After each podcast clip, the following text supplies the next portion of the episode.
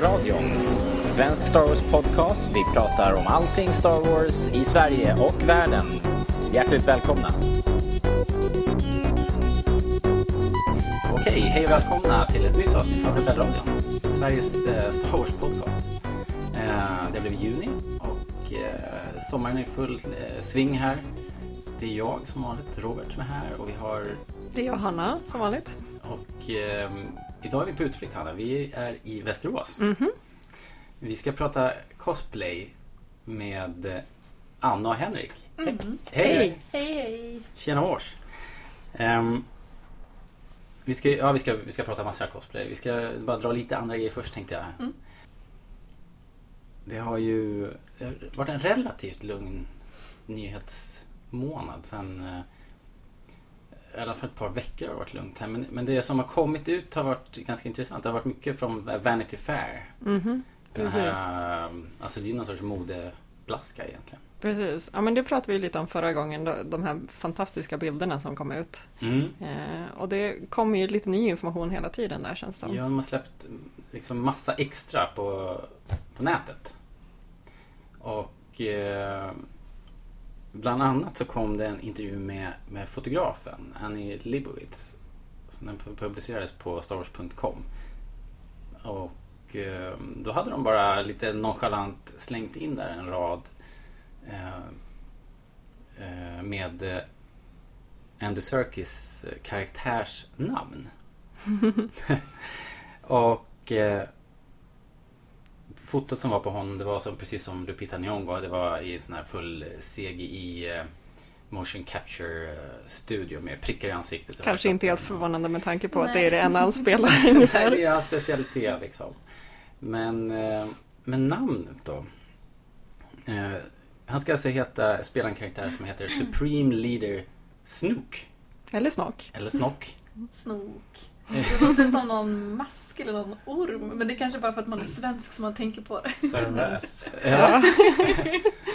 Ja, det får bli hans arbetsnamn nu. Servais, det är jättebra.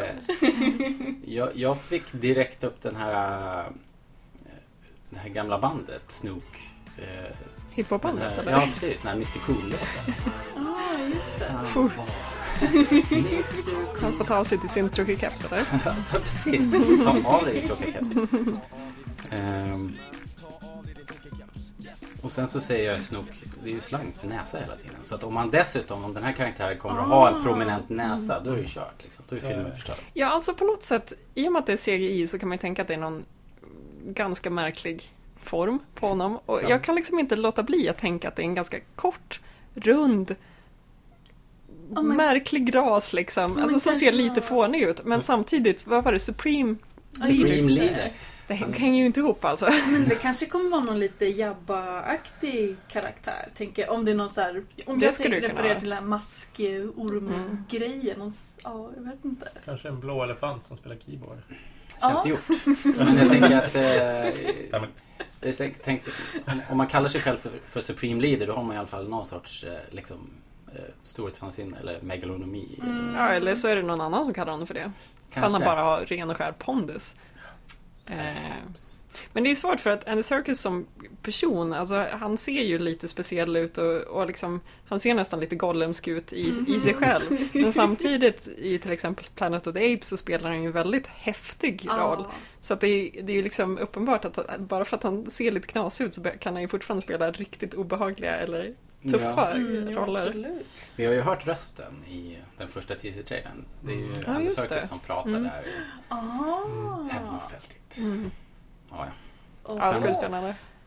Vad är det, Alltså, 200 dagar Rösten kvar? skvallrar ju inte om liksom, att han är väldigt konstig anatomi. Nej. För det är ändå en ganska mänsklig röst. Så. Det känns klart, inte som ja. man pratar genom en snabel. Nej, Nej, Så. så inte den är inte så nasal. Nej, det är det inte så. det sådär. Och så han lär ju vara och ser ganska elak ut. Rimligen. Mm. Jag tänker mer någonting långt och slankt. Men han är ju inte Mm. Darth Snook, Nej, vad vi vet. Men var det... nej, så- det, nej, det tror jag inte. Då skulle han inte komma in via den. Han är mer en militär ledare. Alltså, Ja, eller är det en... officershållet. Ja. Men han det- pratar om the force. Mm, Ja, precis. Det. Just det. Och om man tar liksom gamla imperiet så vill ju inte riktigt de officerarna erkänna The Force riktigt. Ja, just det. Nej, nej.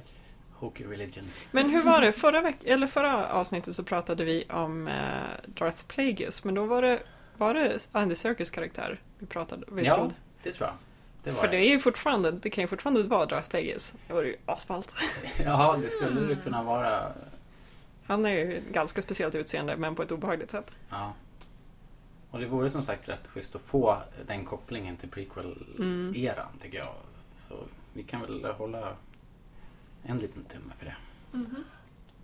Jag funderade, inte apropå det, men en tanke som slog mig här är ju hur tusan hittade de Lukes ljussvärd?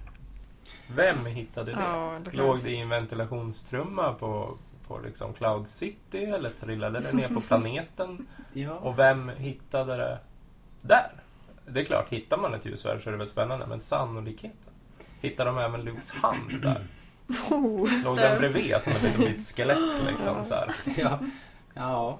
Eh, För det är lite Det- otippat det- att det är just ju det ljusvärdet ska Ja, dyka upp. precis. ja. Det, ja, det känns ju som att det borde vara det svåraste att hitta. Det är väldigt svårt att hitta. Och, och som att verkligen, men det kanske är just ifall det fastnar i någon luftschakt. Det För annars borde det ju liksom bara... som har sålt det på Ebay. Ja, ja, garanterat. jag hittade.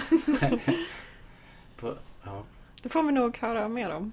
Då. Ja, det kommer visa sig. Vad jag Mm. förstår det så, så Kylo Ren samlar på, Du har läst massa spoilers. Ah, la, la, la, la, la, la. samlar på saker. Oops. Så det är ju förmodligen han som har Vaders mask också. Kan jag Mm. tänka mig. Men det är bara som spekulerar. Det spekuleras lite åt det hållet, helt klart. Gud, det är så jobbigt. Man vet inte vad man kan prata Ja, med vissa människor om. Jag har läst nästan allting fram, till, fram tills för några...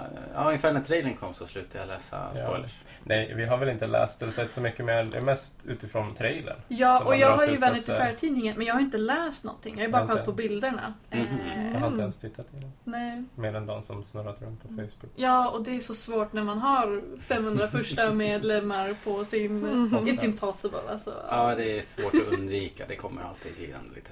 Så jag har gett upp lite, men jag försöker att undvika så gott det går det mesta. Nu börjar folk spekulera om Episod 8. Så Ja, jag hörde det. Ja, så... Men nu, det är för tidigt. Vi tar det sen. ja, vi behöver inte ta det i det här segmentet i alla fall.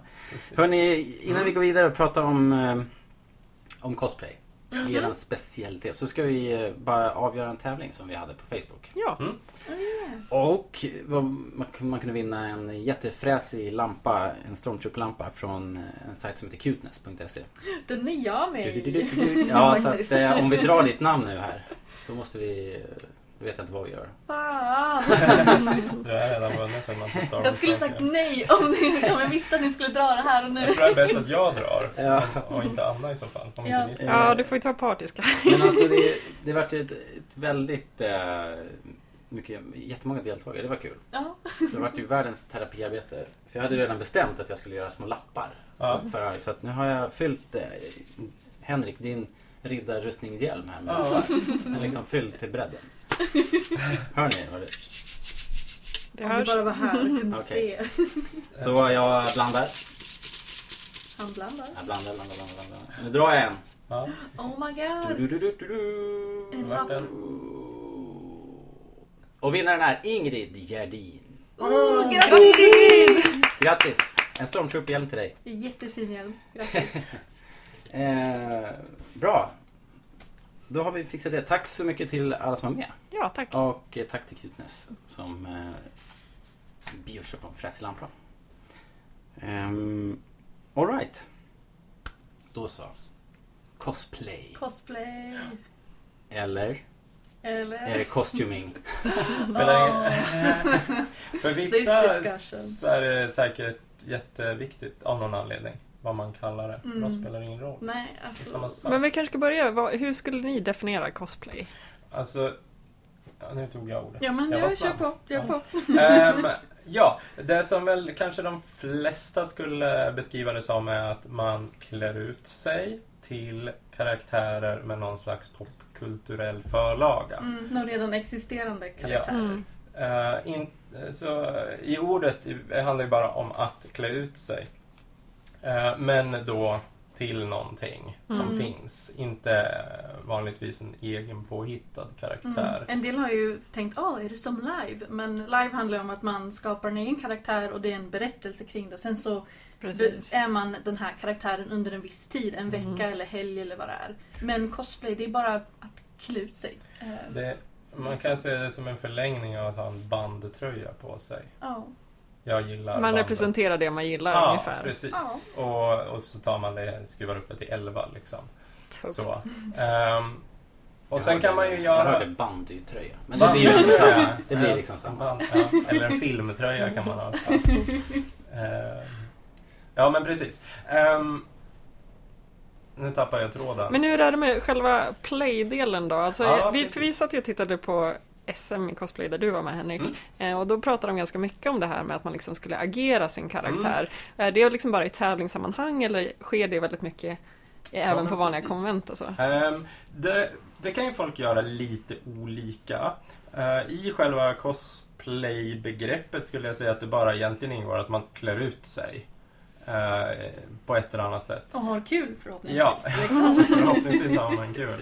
Ehm, men, men någonstans som de flesta, mer eller mindre i alla fall, går in lite i rollen. Vissa kanske går in i rollen väldigt mycket. Uh, Medan andra är lite mer avslappnade. Mm. Så. Och så kan det såklart vara lite olika beroende på tid på dygnet kanske. Ehm, men för oss och som liksom har tagit avstamp i det här i, Mm. i Star Wars-grejerna med Rebel Legion och First Legion så där ingår det ju liksom att man ska porträttera karaktären efter bästa förmåga Mm. så att det ska liksom bli lite som att man har klivit ut ur filmduken. Det. Ehm, men där kan ju också vara en liten skillnad för olika personer. För när vi gör det, då gör vi det någon timme och sen kanske vi tar en paus och så går vi och byter om och sen är vi vanliga Mm. privata människor och går runt på mässan eller vart vi nu är Mm. någonstans. Så då är det ganska lätt att alltså, nu är jag i min dräkt, nu är jag i min roll och nu är jag liksom tillgänglig för allmänheten som Mm. den karaktären. Medan det kanske på ett konvent där folk som till exempel Närcon och sådana typer av konvent är ganska annorlunda. Mm. Ja, det är ju mer... En mässhall har ju sina öppettider från vad är det, 10 till 18 eh, och ett konvent är oftast öppet dygnet runt och folk sover över där. I sovhallar finns det. Eh, så det blir en lite annorlunda stämning där. Tycker Mm. jag i alla fall. Blir det då mera längre cosplay-sessioner? Ja, jag Alltså- tror många så Ja, kanske inte har lika... Att man ofta kanske har lite enklare dräkter som man kan gå runt Just i hela det. dagen. Ja, Och då är man kanske inte i rollen hela dagen. nej.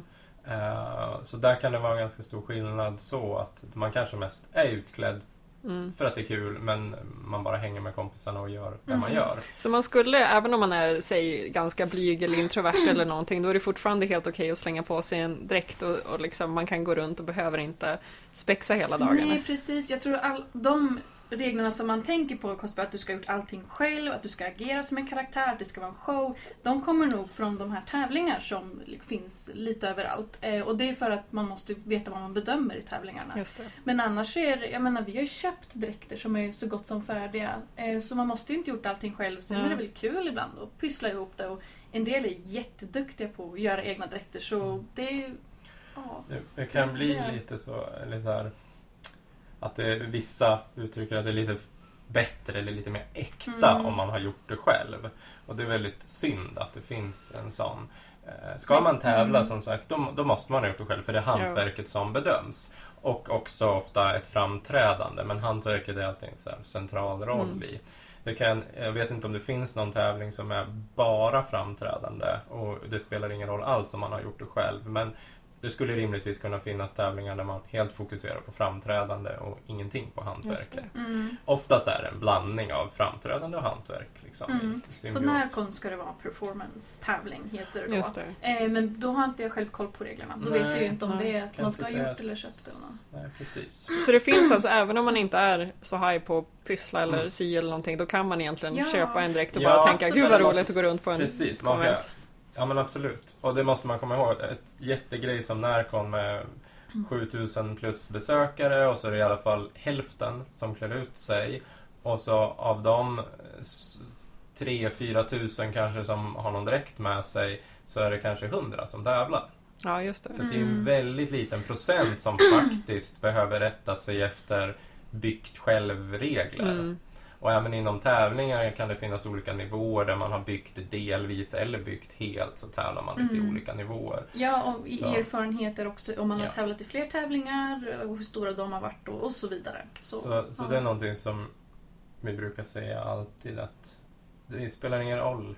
Köpt, byggt, eh, lånat. Det Mm. viktiga poängen är att man klär ut sig Precis. för att man gillar den karaktären och filmen och serien var det nu kommer Mm. ifrån och vill sprida det bland Det är ju andra. jätteskönt att höra för det blir lätt att man tänker att det är liksom väldigt liksom en sluten grupp, att det är lite snobbigt. Alltså jag tänker, vi var inne på live, det höll jag på med när jag var liten. Eh, och där var det ju även liksom nybörjar-live så var det liksom ändå att så här, vissa hade fulare dräkter och att det Mm. snackades skit om det och oj, Ja, äh, men det här var bara trams liksom. Eh, det var en av anledningarna till att jag slutade för jag tyckte det var så töntigt att det var Så liksom himla Jo, jag, tråkigt. jag kan tänka mig att det är likadant där. Vadå, har du köpt en ringbrynja? Ja, precis. Liksom. Inte suttit och virkat ihop liksom, ett par tusen ringar. Nej, och det är så. Det är klart, hantverket är ju, som folk kan göra det kan vara fantastiskt och såklart värt all Mm. beröm för det. Men, men eh, det i sig kan inte avgöra om man vill, ha liksom, vill klä ut sig eller inte.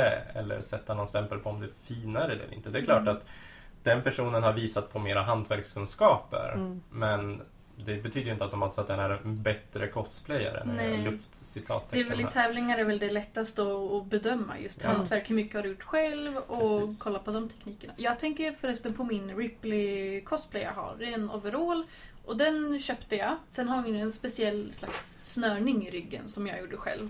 Eh, och då gjorde jag lite research och letade, vad var liksom, den var ju baserad på en militärflygar-overall från andra världskriget, någon amerikansk Ah, historia. okej.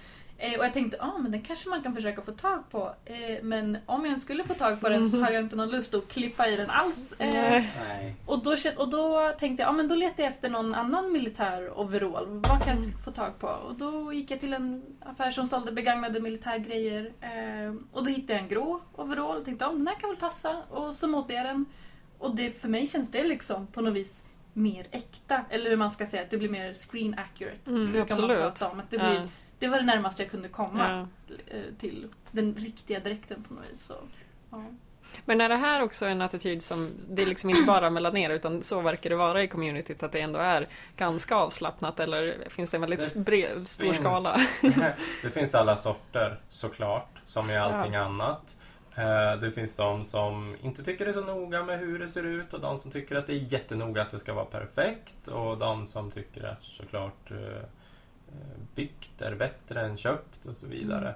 Det Mm. enda, alltså för mig personligen så, så uppskattar jag ju bara egentligen resultatet. Ser det bra ut? Ser det ut som eh, så likt originalet man kan komma? Anpassat till sin egen kroppsform och längd och, och kön och så vidare. Eh, då är det ju jättespännande för på något vis så vill man ju gärna, precis som när man är en stormtrooper, så vill man ju liksom ge illusionen av att det är som precis som den kliver ur filmrutan. Mm. Och det uppskattar jag ju såklart ju närmare det kommer. Men sen måste man ju också, folk måste ju kunna göra saker efter sin budget. Mm. Har man råd med, med tejp och pappkartong, ja men bygg tejp och pappkartong liksom. Gör det bästa du kan med det du har. Eh, och fortsätt utvecklas och sen kanske man får mer pengar eller tillgång till mer material Mm. om man blir äldre eller får ett jobb eller vad det nu Ja. är. Och, och om man då vill lägger mer tid och pengar på att få något ännu bättre så. Det ska ju vara kul att hålla på med det här. Vi, vi gör ju inte det för att vi tvingar oss själva till det. Och det var så också med när jag skulle researcha mer på Ripley-dräkten så kollade jag på RPF-forumet och där fanns det jättebra tråd. Och det var jättekloka människor, de visste allt om den här dräkten. De visste liksom, ah den här dräkten, de här snörningarna, de kommer från den här militäroverallen som är från en annan. Som de färgade in och, och jag höll ju på att få världens prestationsångest. Jag Ja, bara, visst. Shit fan, folk kommer se hur jävla fail den här dräkten är om inte jag gör som de säger. Men det är ingen som bryr sig. Det är ingen som tänker Den på ser det. ju helt perfekt ut i slutändan och Ja, då har du ja, ändå men- inte följt alla regler. Så. Det finns alltid någon som kommer att tala om vad det är som är fel. Ja, men det är liksom den enda människan. Annars så... Alltså, jag blir ju bara glad att folk känner igen mig som den karaktären jag är. Eh, och ibland blir det när jag går utan Alien också. Vilket jag blir mer förvånad över. Så. Ja men det tycker jag inte känns konstigt. Jag tycker det är helt alls, Det är klockrent. en fantastisk kostym. Vi kanske kan säga det redan nu. Ni har varsin Facebook-sida väl, där, Mm. där man kan följa era cosplay? Det har vi. Har, min cosplaysida heter Arty Anna Cosplay.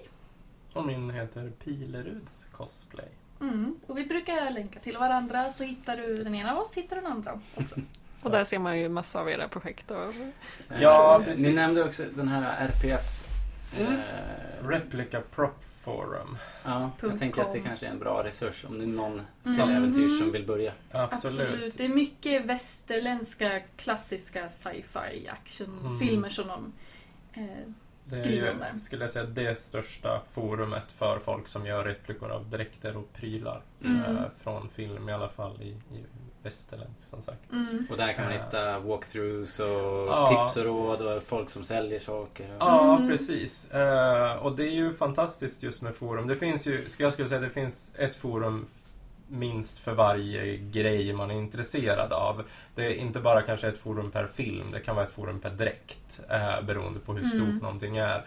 Men det är ju liksom där, där man ska leta på om man ska göra någonting. För det finns massvis med hjälpsamma människor som har delat med sig när de har byggt eller de har gjort ett ett kit av någonting man kan köpa och kanske limma ihop själv som Mm. Ripleys eldkastare som, Ja, som vi det. hittar på ett kit där. Mm. Ehm, och så där och på så vis community delar med sig och man drar nytta av varandra. Ehm, och, Så man behöver inte bara uppfinna hjulet varje gång själv. Nej men precis, det är jättedumt. Sen beror det väl på om det, det är jättelätt att hitta referensbilder och sånt till väldigt populära karaktärer och filmer men ibland kanske man känner sig först med någon supernischad karaktär och det kan vara jättekul det också Mm. för att man gör det för sin egen skull. Eh, Jag skulle till exempel vilja cosplaya Hedvig från A till Ö. Åh! Så det finns ju liksom inget forum för henne kanske utan då får jag kolla på eh, SVT Öppet arkiv. Där Just får jag väl kolla liksom på de avsnitten och lista ut hur hennes... Försöka hennes- hitta alla vinklar. Och... Ja, Mm. precis. Undrar om man kan komma till deras kostymförråd liksom. Mm, oh. Frågan om de har kvar det. Ja. Men det är ju alltså just sådana där lite udda. På, på eh, Comic Con GameX här de senast så, så var det någon som var hemliga Arne liksom. Och det är inte kanske de mest självklara. Tänker man på cosplay då kanske man tänker sig Sailor Moon eller någonting. Men, Mm. men, eh, men det finns ju liksom så. Eller ehm, Det tog ett... Kapten Zoom liksom. Ja. Så det är ju, det är ju kul också Du sådana kan här cosplaya grejer. vad dyker som helst till slut kom på. Och jag menar, det har ju förstört lite för oss ibland när vi kollar på någon så här actionfilm och bara ah, börjar kolla på dräkterna och bara ah, Jag vad ska, kan tänka ah, mig vad man kunna. Precis. få tag på? Eller ah, den där armbiten. Ja, ja. Mm. Ja. Det blir lite så. Eh, lite skadad liksom. Lite, lite så. Då, Det här blir min nästa dräkt. Mm. Yes.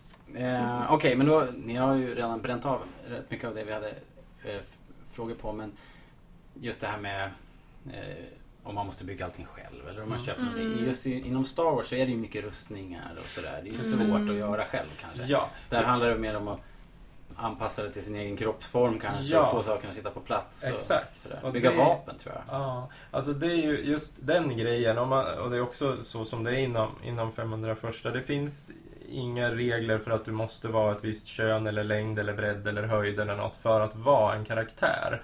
Även om det såklart är en fördel att du är lång om du ska vara Vader för att det gör sig bättre i helheten. Men det finns liksom inga regler för att du måste vara på ett visst sätt.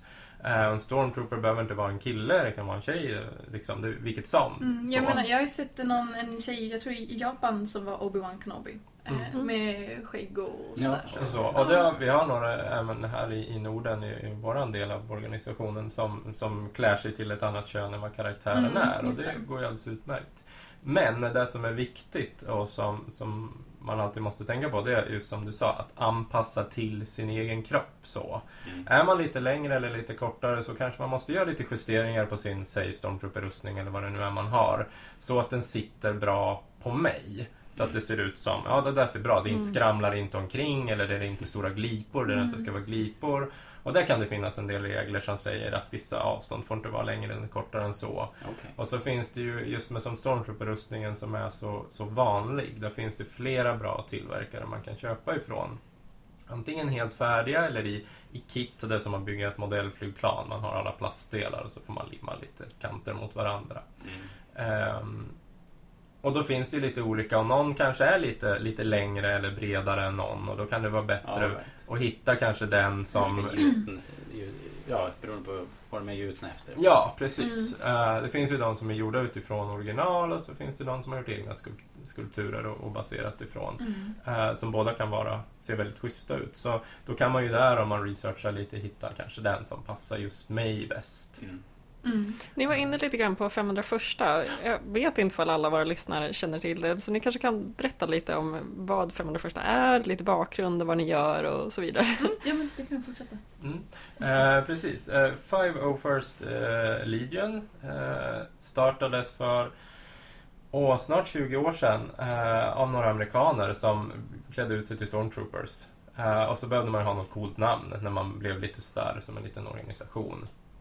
Och, och Legion är ju en, liksom något som nämns i Star Wars och så ville man ha att det skulle låta lite så här som, som eh, man hör i, i militära filmer och lite så här andra världskrig och så. Och då, då tyckte de att 501st, det lät, det lät coolt. Det är väl Vaders egna... Ja, Mm. precis. Det är precis Vaders elitstyrkor kan man säga.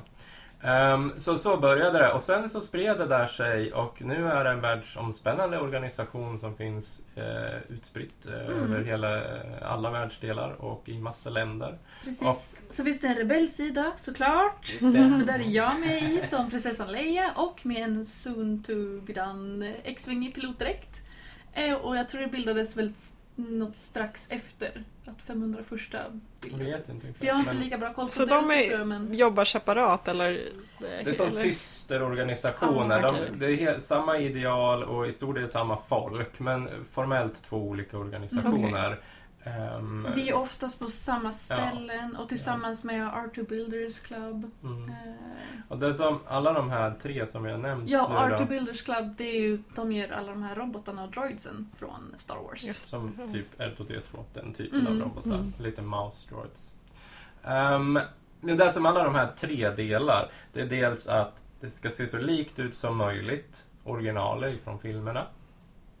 Vi jobbar för välgörenhet i den form att vi klär ut oss och är till exempel på sci-fi-mässorna eh, och har insamling till till exempel Barncancerfonden eller någon annan välgörenhet riktad just för barn. Mm. eh, Vi har även hjälpa- besökt barnsjukhus och så också. Mm. Eh, Eh, och så. Och det Mm. kan vara... Folk kan anlita oss så att säga till ett barnkalas mot att de gör en donation till någon välgörenhetsorganisation. Så lite olika sådana typer av grejer. Ibland som sagt som det är ett, ett sjukhusbesök då vi Mm. bara där och sprider glädje. Det är ju Mm. liksom välgörenheten i sig. Så det är ingen, Nej, någon precis. donation utan det är det. Ehm, Alltså barn måste ju dö ja, det hoppas vi inte. Alltså, nej, men, mer nej men alltså jag menar så här, alltså, Ja. det, man lär ju bli helt tokiga när de Ja, ser det och har jättesvårt att förstå att det inte är riktiga karaktärer. Vi har inte än så länge varit på något sjukhusbesök. Nej. men Nej. vi, några andra vi känner såklart har varit det och det kan vara väldigt känslosamt. Ja, det kan jag Mm. förstå. Eftersom att eh, det kan vara på, på um, avdelningar med barn som är väldigt sjuka. Just det. mm. Eh, och då ja, är det de som har sagt att de har varit glada att de har haft hjälm på Mm. sig. Mm. Eh, för att Det blir så... Det blir väldigt känslosamt. Ja. ju Jag har själv gärna velat besöka något sånt men jag är, som Leia har ju ingen mask liksom och då ska man ha sin mentala mask eller man ska säga. Och. Eh, ja, jag vet inte om jag skulle... Alltså jag vill ju men ja, vi får Ja, jag se. såg bilder från, jag tror det var senaste sci-fi-mässan, en kompis två, treåring som är helt inne på Star Wars nu och kan Mm. alla karaktärer.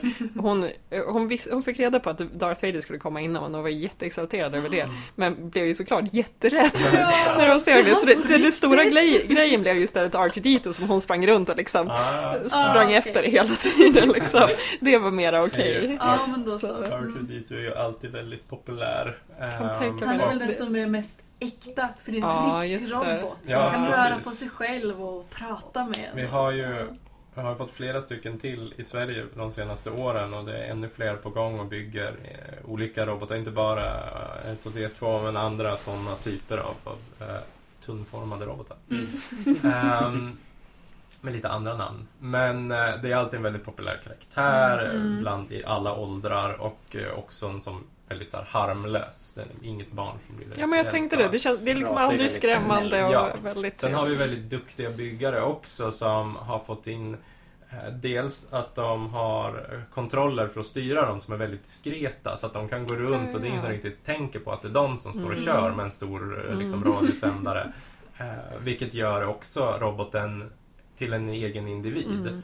Och i och med att de kan smyga runt och se och då interagera med de som pratar med Mm. roboten så blir det ju som att roboten svarar när de liksom Precis. vinkar till roboten. Och Ja. den kan vrida på huvudet och låta och vissla och öppna lite luckor och fälla ut lite armar och sådana där Mm. grejer. Så att det blir ju för dem verkligen som att den är där. Och på riktigt, riktigt. ja. så Jag såg säga. en på Celebration nu som hade Särskilt, ni vet som när eh, Arthur blir eh, Får en elchock så bara öppnar han ju alla luckor samtidigt liksom. så här, 40 luckor liksom. Wow. Och eh, Jag tror det var på Celebration, eller var det på sci-fi-mässan?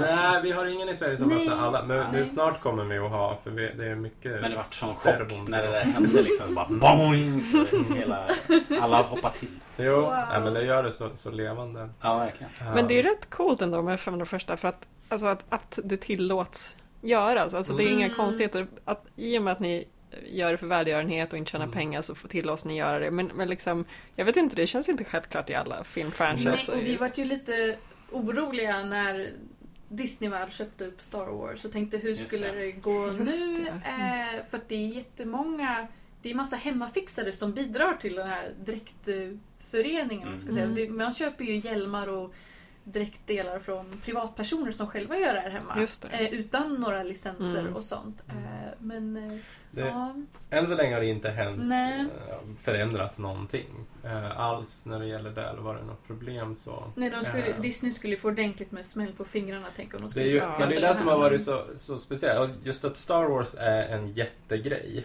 och allt tillhör då Lucasfilm så det, det har varit en ganska enkel kommunikation. Man behöver bara ha kontakt med ett ställe. Mm. Ehm, och, och den kontakten har ju då etablerats och blivit väldigt positiv. Och det Lucasfilm vänder sig och Disney vänder sig till, till oss när de behöver folk. De har ju inte själva en massa stormtroopers utan de går ju till oss. Mm. Det är ju lite Eh, häftigt när man tänker på. Man ja. tänker ju så här, ja men det, de har ju hundratusentals, Ja, men det har vi de sett på inte. film. De har ju lite, lite arkiverade dräkter Ja, men de kan, tar de ju inte ut liksom. Nej men och sen har det kommit flera stories nu också. Dels så vet jag ju att eh, det är ju Droid Builders från England som har fått bygga Mm. robotar till nya filmen. Precis. Och sen så är det en kille som byggde en eh, C3PO kostym. Oj. Ja, det också. Eh, som har blivit... Ja, men han, han jobbar nu i princip heltid med att Ja. göra reklam. Liksom. Han Mm. åker väl runt Mm. på, på diverse tillställningar Ja, för, för Lucasfilm. För han gjorde den så jäkla bra så hade han ju hela maneret och pratet. och Vi så. träffade som eh, Simon Billick i, som var i, på Celebration i I S- Tyskland. i Ja, där. tävlade. Ja. Och, ja precis, det måste ha varit han. Ja. Mm. Ja, han var jätteduktig. Det är verkligen ingen vanlig kostym. Nej. Nej, nej. Så, Hans Facebook-sida tror jag är SWA3PO. Okej. Um, han, nej, han är helt fenomenal. Mm. Uh, jättesnygg dräkt och hela rösten, maneret, rubbet. Liksom. Det känns ju som en rätt jobbig dräkt Ja, bära. Ja, gud ja, nej, jag, jag var med och, tävlade i SN i, på Celebration där. Eh, och då fanns det en ramp upp till själva scenen. Och det, det krävdes ju någon bakom som puttade upp just honom. Och någon som kunde hjälpa till att dra lite. Sen när han skulle ner, då fick ju någon liksom hålla emot honom så inte han tippade Tippa när han gick ner. liksom. Så, så det, ja, det var en väldigt stel Men det dräkt. ser man väl också från filminspelningar när Anthony Daniels står typ på en planka liksom. Ja, precis. Nej, Det, men det är ju så, alltså den, den stela st- stelhet som är, alltså det går inte att röra sig mer i den Nej. dräkten. Den har ju till exempel, alltså, som shorts som är som hot pants som är liksom i hårdplast. Mm. Så att du kan ju omöjligt sitta ner till exempel. Ja. Så de, man får, ser ju aldrig, aldrig C3PO sätta sig eller resa sig upp eh, annat än i, i prequel-filmerna, i de datoranimerade snuttar när han gör just det. Antingen sitter han eller så står han hela tiden. Just. Och så, så att det är ju en otroligt oergonomisk Ja. Ja. Jag tänker alltid det på den där scenen på Hoth när, han, när de ska evakuera och Mhm. han får springa fullt liksom, för att hinna med falken. fram. Hurry up Goldenrod! Och han springer verkligen fullt Ja. ut. Tänkte här, undrar hur...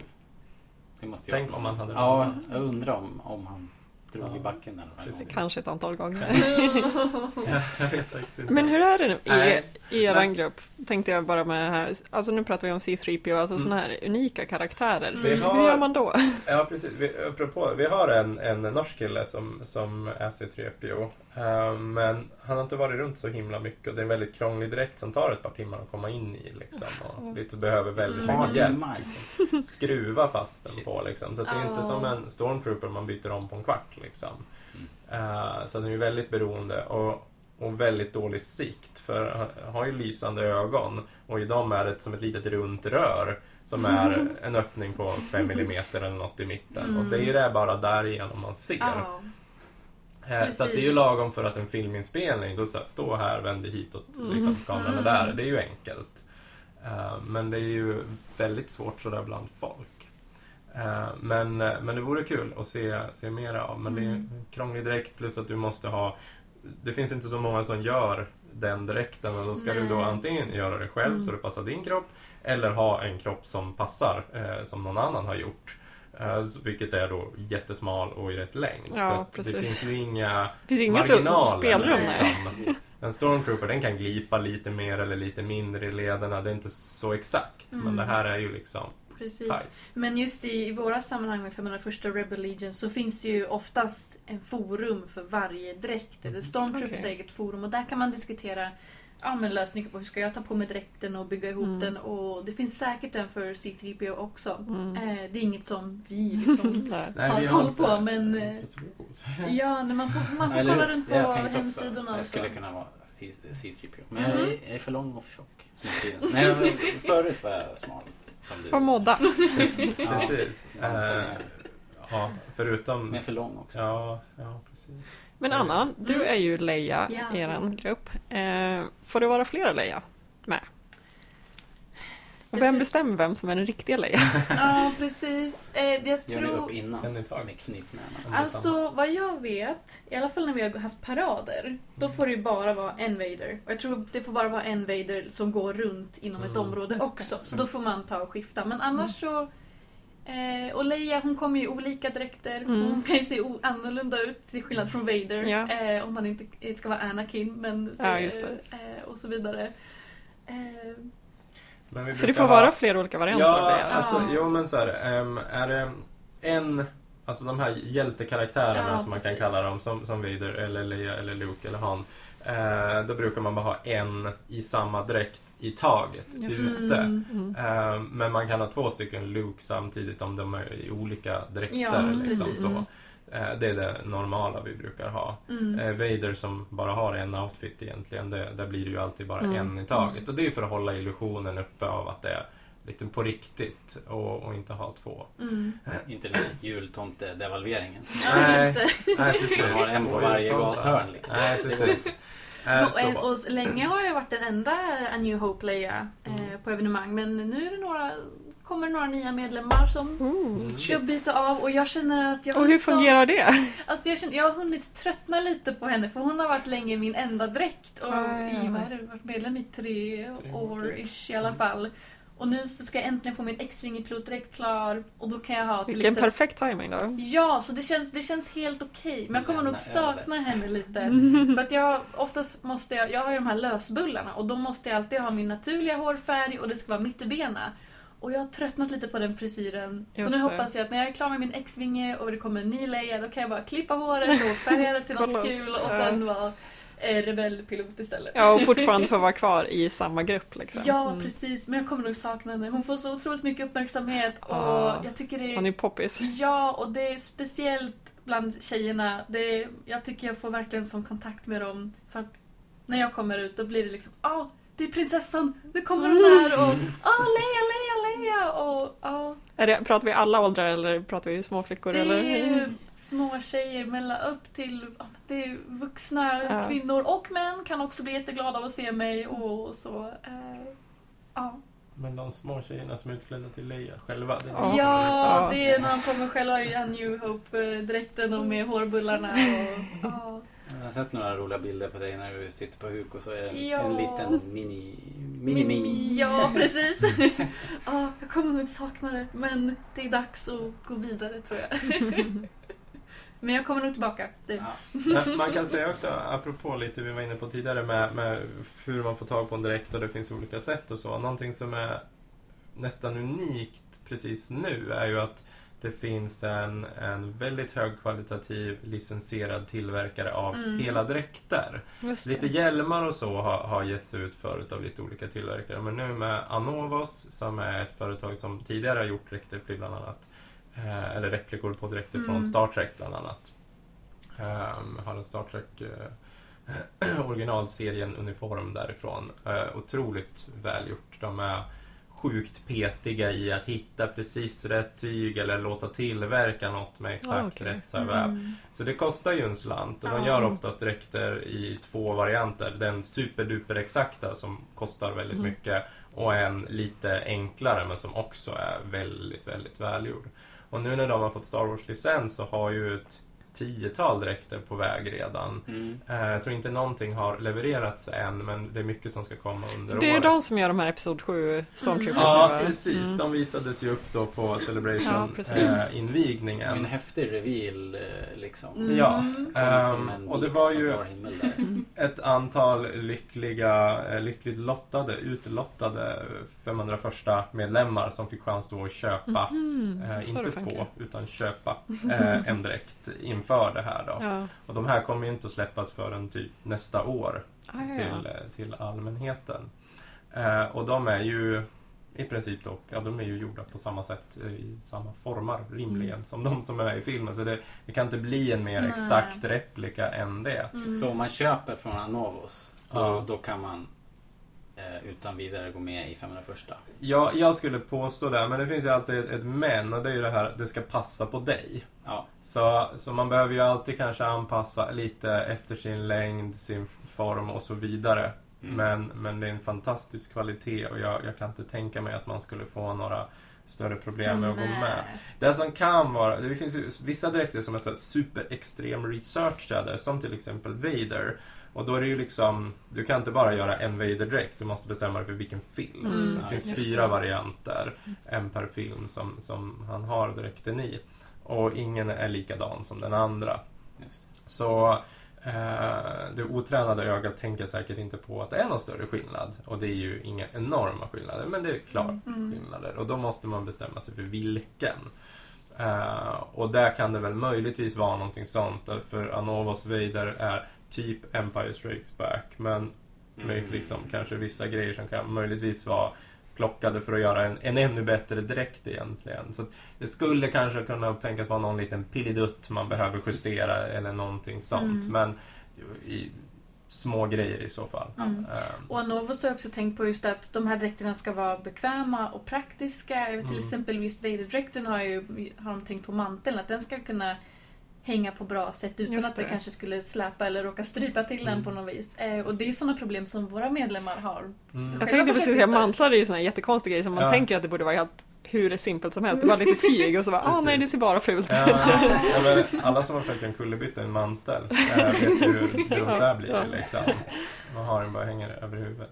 Eh, det funkar ju om man är Batman på film. Mm. Det är helt värdelöst i verkligheten. Så de har ju också tänkt på de här praktiska lösningarna, Mm. att det ska sitta bra och skönt ändå på Mm. en och liksom inte hålla på och skramla och ja, men, rabbla av och Det, så. det ser väldigt lovande ut där. Mm. Liksom. De har en väldigt stor passion för det. Eh, för dräkter. Och Mm. även har jobbat mycket tajt med 501 människor också. Det är väl Mm. svårt, svårt att hitta någon som kan mycket om Mm. dräkter som inte är med i 501 Just och så vidare. Ja. Liksom. Det, det är nästan, omöjligt. Jag var på Anovos på Celebration på deras, Mm. deras booth och Mm. försökte få dem att lova att tillverka den här eh, crewjackan från Finse. Den blåa Ah.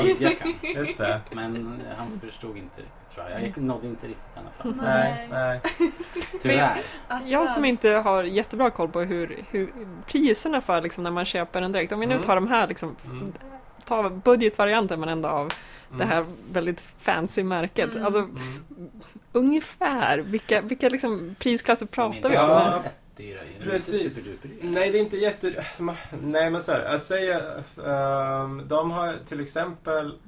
eh, vad ligger Vader på? Typ 30 000 kanske? Okej. Någonting sånt. Mm. Och det är... Alltså det finns många som har betalat betydligt mer än det. Som har köpt Mm. lite kitbitar Ja, från olika tillverkare och så.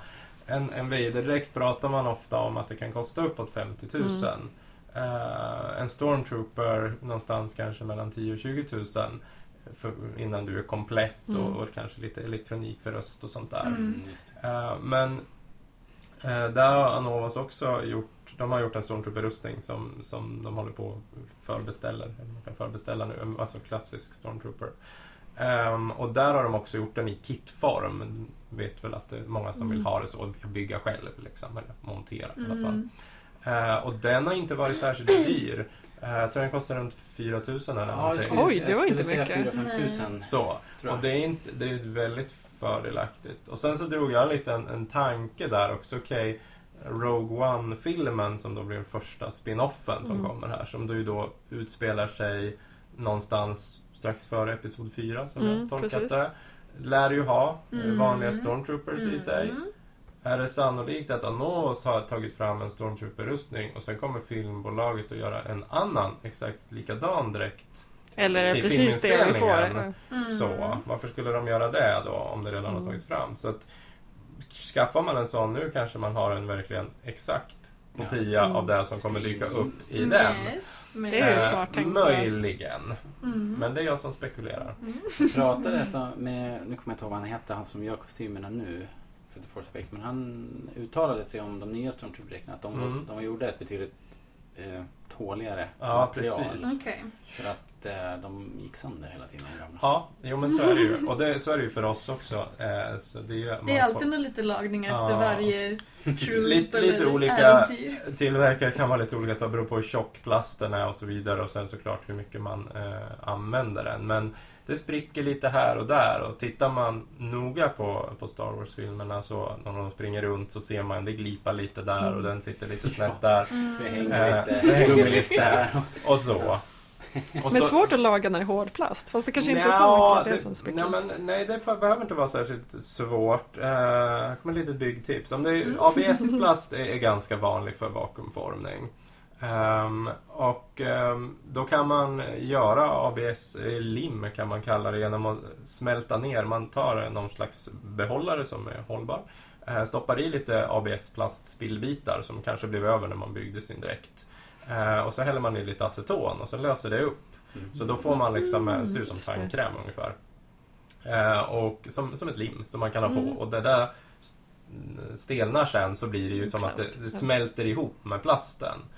Eh, så att man kan ju använda det i princip som ett spackel eller vad man ska säga. Så då limmar man lite på insidan och är det någon större grej kanske man limmar dit en plastbit också på insidan. Mm. Så min rustning är väldigt lappad runt kanter och så på insidan men utsidan ser schysst ut. Mm. Sen är det ju screen accurate som vi säger när det ser ut som på duken. Att det är lite sprickor och lite skavanker. Så var det då också. Lite silvertejp också. Ja, ja precis. Vit, vit vävtejp eller vit eltejp eh, ser man ju också på flera ställen i filmen. Så om man tittar noga. Man kan tänka sig att det- på, på så här CNC och byggplast att det smyger omkring rätt mycket 501 folk då och letar eh, bra, bra grejer att limma plast på, liksom. Om man gör det så.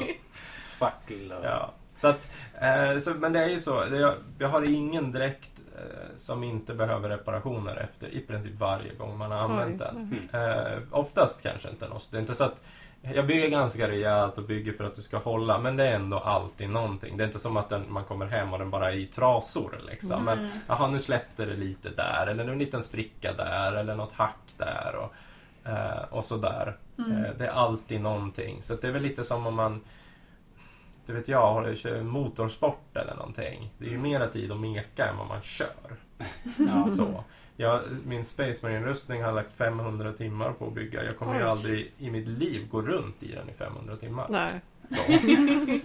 Jag vet inte, jag har haft den i ett par år och varit på 15 evenemang kanske med den och gått runt i si så många timmar. Men jag kanske inte har kommit upp mer än 50 timmar. Ja, precis. Liksom. Och 10 procent av byggtiden är användningstiden. Mm. Eh, så, att, så blir det ju. Ja. och likadant om man mekar med bilar. Man mekar ju förmodligen mer än man kör. de, mesta Helt ho- klart, de flesta ja. hobbys tror jag blir så Ja. sätt. Mycket pyssel. Men, men det är ju också där, och där har man ju val, valmöjligheten. Eh, köper man en dräkt som, som passar en när den är köpt eller kanske bara behöver sys in lite någonstans eller någon sån där små justering.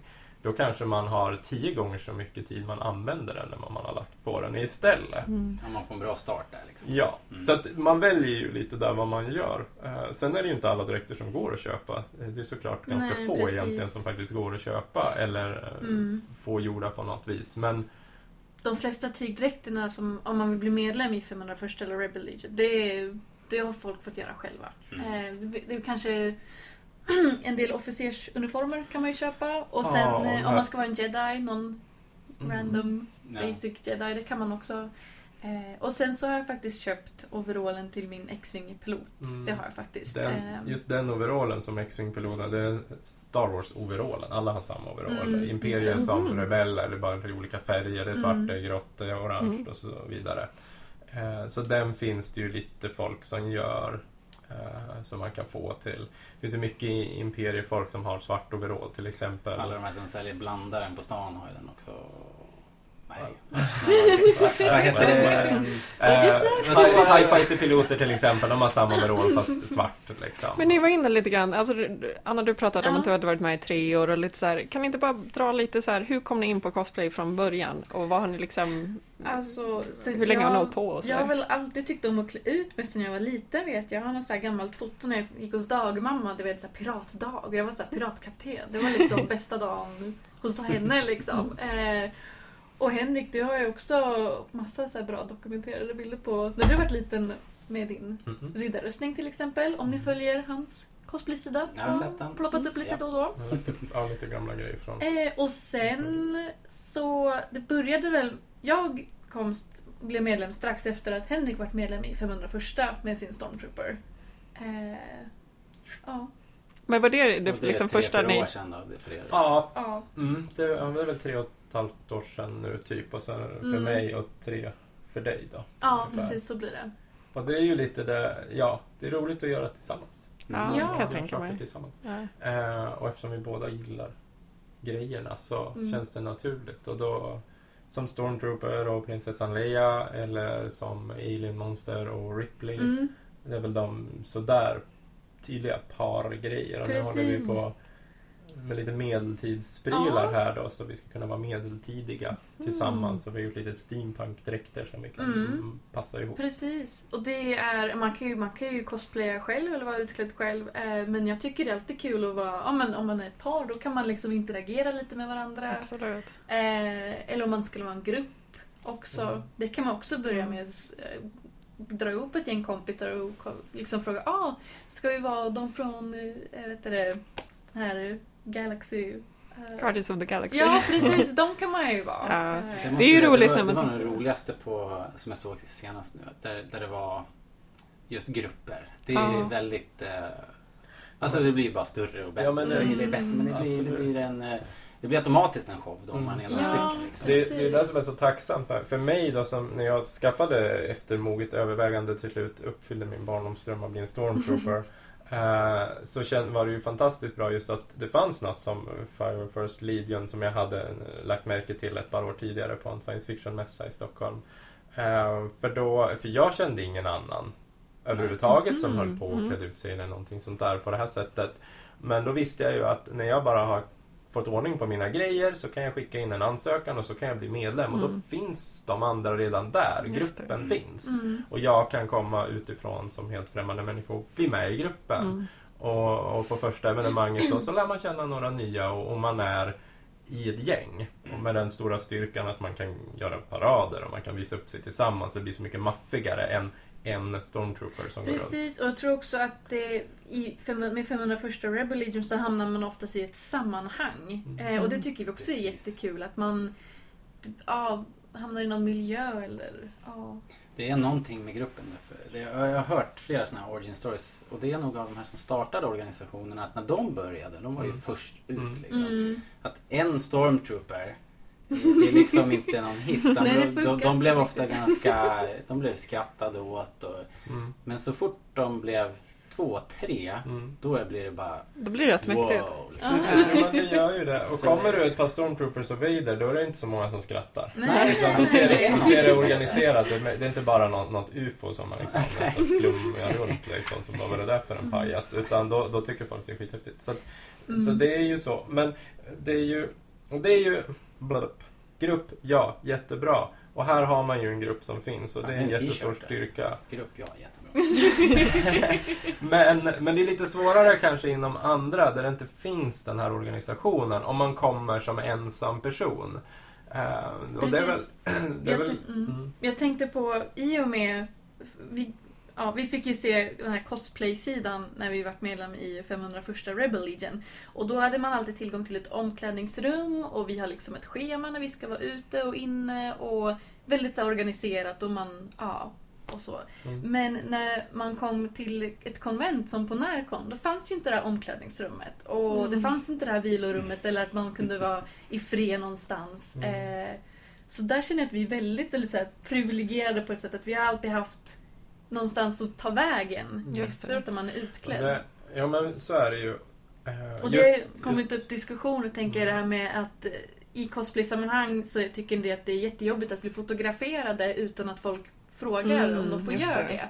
det. Mm. Eh, och med, med, för oss så har det alltid varit en icke-fråga för att vi har ju på något vis alltid varit utklädda för någon annans skull och, och vi är Mm. här för att ni ska ta kort med oss Mm. och, och så. Men vi har också alltid haft någonstans att ta vägen och sitta och äta i fred eller Mm. ta det lugnt och ta av hjälmen och så vidare. Eh, För oss är, är vi utklädda så är vi ju där för att folk Mm. ska ta kort och så vidare och när vi eh, då går vi åt sidan och byter om så nu är vi vanliga då är det ingen som bryr sig om oss alls. Precis. Eh, Men det blir ju lite skillnad när man är kanske där utklädd hela dagen och så här. Men nu sitter jag och Mm. fikar här, kan ni liksom mig, låta mig vara.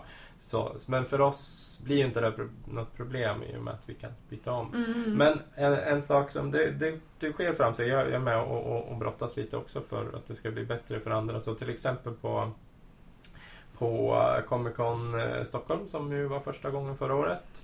Eh, där hade man faktiskt ordnat ett, ett allmänt omklädningsrum för cosplayare. Fast det var inte just så många som visste om att det fanns. Mhm. Eh, I år kommer det förmodligen bli ännu tydligare och, och jag har ett bra kontakt med arrangörerna där så att jag har stämt av. Så att förutom att vi, vi kommer att vara där med 501 och, och Rebel Legion och vara Star Wars och, och vi har vårt omklädningsrum och våran, vårat grejs, vi kommer vara med där hela tiden. Så kommer det också finnas tillgång för eh, ett omklädningsrum för vanliga besökare för att kunna komma dit med en väska och byta om där istället. Det är ju jättebra.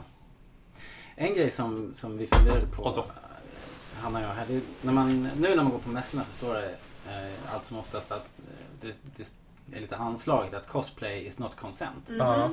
Ehm, och det är ju sådär lite grann på förekommande anledning. Jo. Att, eh, det, det tafsas helt enkelt. Eller Mm. det, det, det liksom antas att bara för att man är lättklädd så Mm. är man lovligt byte på något sätt. Mm. Det kan ju Ja. också vara att man, folk inte respekterar att man kanske har en ömtålig dräkt Mm. som lätt kan gå sönder. Och är man... Jag tror att besökare lätt distanseras. Ja, där ser man åh det är en Vader, det är ju som i filmen. Att man, man Det blir bara en karaktär då. Precis, Ja. man tänkte att det är en riktig människa som har lagt jättemånga timmar på att bygga den här dräkten och så kommer du och bara petar på den här jätteömtåliga Börjar liksom, knappar. knappar. Ja, Mm. precis. Ja. Man bara, och och det, det handlar också lite om samma sak. Mm. Eh, att man inte ska... Alltså cosplay är inte samtycke. Det är bara för att jag är här och är utklädd så betyder inte det att du kan få ta kort på mig när du vill eller ta på mig Mm. vart och när du vill. Eh, och så. Hur mycket diskuteras det?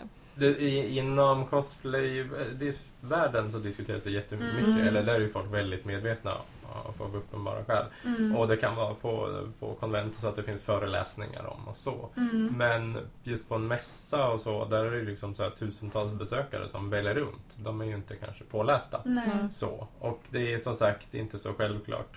Ehm, Det borde liksom, man borde ha mer föreläsningar. Liksom, Ja, så att alltså det- besökarna får reda på det mer. I grunden är det bara lite sunt förnuft. Men det sunda förnuftet är inte alltid så, så vanligt som, som Nej. man skulle vilja. Mm. Men jag kommer Men- ihåg när vi pratade med, med Anna senast. Så Mm. Då drog ju du några historier från Legoland. Ja, precis. Där, där liksom du och några andra hade råkat ut för liksom män som inte kunde hantera situationen och Mm, kände sig för lite för mycket. Liksom. precis. Och jag, jag kommer ihåg, jag är alltid jag är blåögd och min egen lilla bubbla. Jag var chockad liksom. Ja. Ah. Hur kan det här hända? Men, Och liksom då kommer jag ihåg Mm. att jag reagerade men det här måste ju det här måste ju organisationen, alltså 501 måste ju ha glasklara regler för Mm. det här. Eh, har det hänt någonting på den fronten? Liksom, kan, ni, kan ni som medlemmar känna er trygga och få stöd? Och sådär? Ja, men därför, som vi har... Alltså saker kan ju alltid hända. Mm. Det finns ju inget så här 100% Nej, det- sätt att skydda sig. Men hur man hanterar det men när det vi- händer, tänker jag. Ja, precis. Ehm, det är ju att man inte går runt själv. är ju Mm. en väldigt bra sak. Det är, oftast går vi ju i grupp, speciellt på en stor grej som Legoland till exempel. Där går vi runt i små grupper Mm. hela tiden. Så att ingen går ju själv. Och vi har också alltid någon som inte är utklädd, en supporter som finns där om någon behöver dricka Mm. vatten eller Ja. behöver transportera oss på något vis. Eller ja, se till så att det kanske ingen tar på någon eller Mm. förstör några grejer också. Eh, Eller om någon skulle svimma eller något sånt. Ja, det kan ja. hända. Det är varmt och det. så Mm. vidare. Eh, eh, det, det, det händer. Men så är det ju. Jag, det är ju inte bara, bara tjejer som drabbas heller. Av, av män som tafsar. Eh, Mm. det är kanske är det man ofta tänker på. Och, och så. Men, men jag är är liksom med min alien-dräkt har jag också upptäckt Mm. saker som liksom jag aldrig hade förväntat mig. Som mängden människor som vill pussa på ja, där dräkten Mm, har sin mun. Då, som Ja. inte riktigt är jag har min mun eh, 15 centimeter längre in. Men, mm. men det har varit en sån här grej som, som jag inte alls hade väntat Nej. mig. Och det har väl kanske framförallt varit lite så här, äldre kvinnor. Men, men det kan vara alla sorter. Mm. Ehm, och det blir så här, jag har lite svårt att veta hur jag ska ställa mig till det. För det är inte, det är inte riktigt jag. För jag är ju inte, det, dräkten är ju behörigt avstånd. Eh, en bit ifrån. Men det är ändå liksom, det är ändå väldigt konstigt för de skulle ju inte gå fram och, och, och pussa på någon främmande människa. Men Nej. nu är inte jag en människa, nu är jag någon slags dräkt eller någon slags karaktär som, Mm. som inte är riktigt en riktig människa och man behöver inte bete sig med den som en riktig Mm. människa. Och, och det blir ju väldigt, det blir så väldigt konstigt. Och jag, jag, kan väl inte, jag är väl inte jätteförtjust i det men jag har, har väl låt, låtit det vara liksom Mm. sådär. Man bara, ja ja, okej. Men det återspeglar ju ändå det ni pratar om. Att Ja. även om det är liksom så här, ja, det, nu är det, råkar det inte vara liksom en djup urringning, men det är ju Nej. samma liksom objektifiering. Att Ja. så här, du blir ju bara det du Och spelar det, det är ju på något sätt. konstigt lite också för just det finns ju inget speciell liksom, scen där det pussas på alien-monster eller någonting sånt. Alltså, det är inte så här den här ikoniska scenen alla känner igen och så vill de liksom förverkliga den. Utan det är ju snarare tvärtom. Är man på det avståndet då får man en tunga i ansiktet ett ja, hål i huvudet. Ehm, nej, för vi funderade var kom den grejen Ja, ifrån? och det- det- Och jag, tror, jag såg någon bild på RP-forumet, eh, någon sån här backstage bakom kulisserna när de inte spelar in filmen där eh, Sigourney Weaver liksom, hon gör någon sån här skojig pussmun när huvudet ligger åt sidan på något bord Mm. eh, mot nosen liksom. men det är, så här, det är ju knappast det- det, som folk har sett. nej, för det är liksom ingen allmänt spridd bild Det är liksom det heller. enda jag hittade. Och det är så- jättekonstigt. Visst, Ja. det är ju ett lite så här sexigt, elegant Ja, jag tänker ändå att det är monster. så här, Eh, eh, och den den har- konsten kring det är Ja. ju väldigt Eh, fetisch men, inspirerad. ja, precis.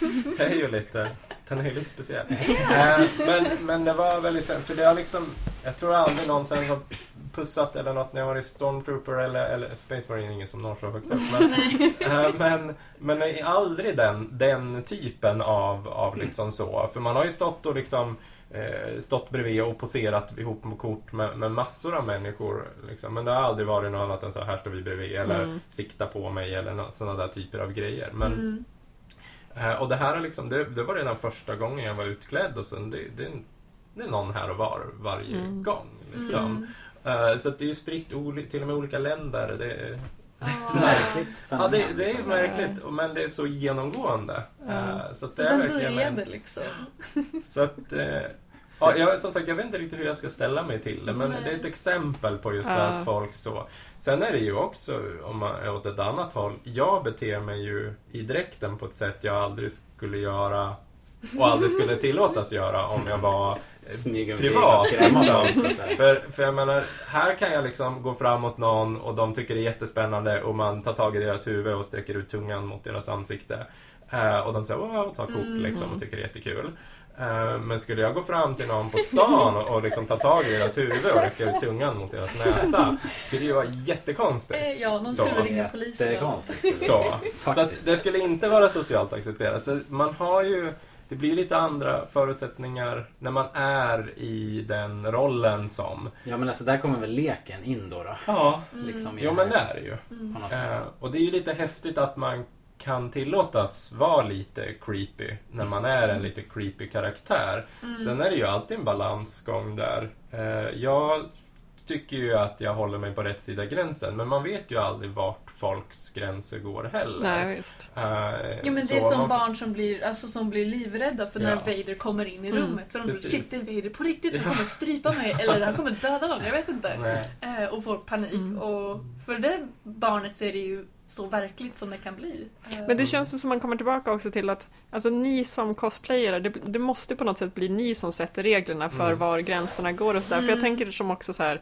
det liksom snackas mycket om ja, men, tjejer som klär sig ganska lättklätt. Liksom, Mm. är ganska van, för det är mycket japanska karaktärer till Mhm. exempel. Ja, blir, blir, blir ganska Mm. lite kläder. Och jag menar, eh, att de gör det, det är ju fortfarande, de har definierat hur Mm. de ser ut eh, och känner sig trygga med det. De kanske också spelar på sexigheten eller någonting. det kan och det det får de göra utåt hur länge som helst, men ingen får liksom gå Nej. mot dem och göra samma sak tillbaka och bara Nej. kräva att nu måste du göra på ett visst sätt. Mm. Men det är nog ganska svårt, alltså det blir väldigt lätt att folk bara utgår från att ja men du ser ju snygg ut, nu måste jag... Ja men precis, och man vill ju inte liksom skapa någon dålig stämning heller. Eh, man, vill ju, man har inte lust att bli arg Nej. på någon och säga lägg av, vad håller du på med? Jag Samtidigt som det är det som behövs på något Ja, vis. alltså jag tror man måste våga säga ifrån. För jag tror många besökare de förstår inte att det finns en gräns. Att Mm. eh, vi inte här... Ja, vissa går ju... Ja, men jag tänker just i 501 så är vi kanske utklädda för andras skull, men vi har också någon slags gräns. Men på konvent så är det ju ännu mer att man är utklädd för sin egen skull. Ja. Och inte för någon annans skull. Och då är det extra viktigt att ja, men jag är inte här för din skull utan det här, Mm. jag är här på mina regler. Eh, Och det är sånt jag tror många besökare behöver lära sig, tror jag. Nu när cosplayen blir allt mer etablerad och så. ja, precis. Det var också... Håller, upplever ni... Jag upplever att det har exploderat. Liksom. Mm. Är det så i Sverige Jo, att det men det- ökar lavinartat? Det har det väl, alltså det var väl lite då vi kom in på det också när det liksom, där det började synas mera. Mm. Eh, men samtidigt så, så det är just, det är lite, det är så kluvet i Sverige och alla är på, det är så, så, så här som skilda skott liksom. Eh, de som går på Närcon, de går på Närcon och där är det jättemycket cosplay. Men de går inte på sci-fi-mässan. Det finns självklart några som korsar Mm, gränserna. Absolut. Men, men det är ganska olika. Okej, de som går på typ sci-fi-mässor, det, det är lite annan, liksom så här, ett annat gäng. Eh, och sen när vi har varit på så här, nu är det steampunk-evenemang. Mm. Och sen som man liksom flaggar lite för det bland eh, kanske mer traditionella cosplaygrupper, då är det ofta så här noll intresse.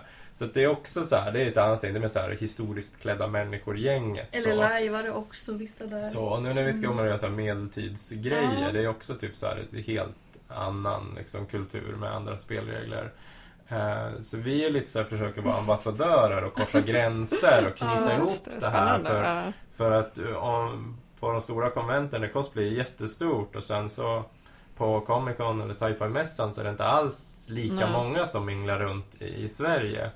Eh, så vill man säga, men kom hit och liksom att Mm. korsbefrukta Ja. allting så allting kan bli ännu mer. För oss Comic är Con det- kändes ju som en sån eh, arena i alla Ja, fall. men Mm. absolut. Vi var, ju, vi var ju på Comic Con i London i höstas. Mm. Eh, samma arrangör då, MCM Comic Con. Ehm, och Eh, där var det ju väldigt mycket folk. Eh, det var ungefär lika trångt och så som det var i Stockholm fast det är kanske Mm. Det var sex 100 gånger så stor 000 mässa eller besökare. någonting. 100 000?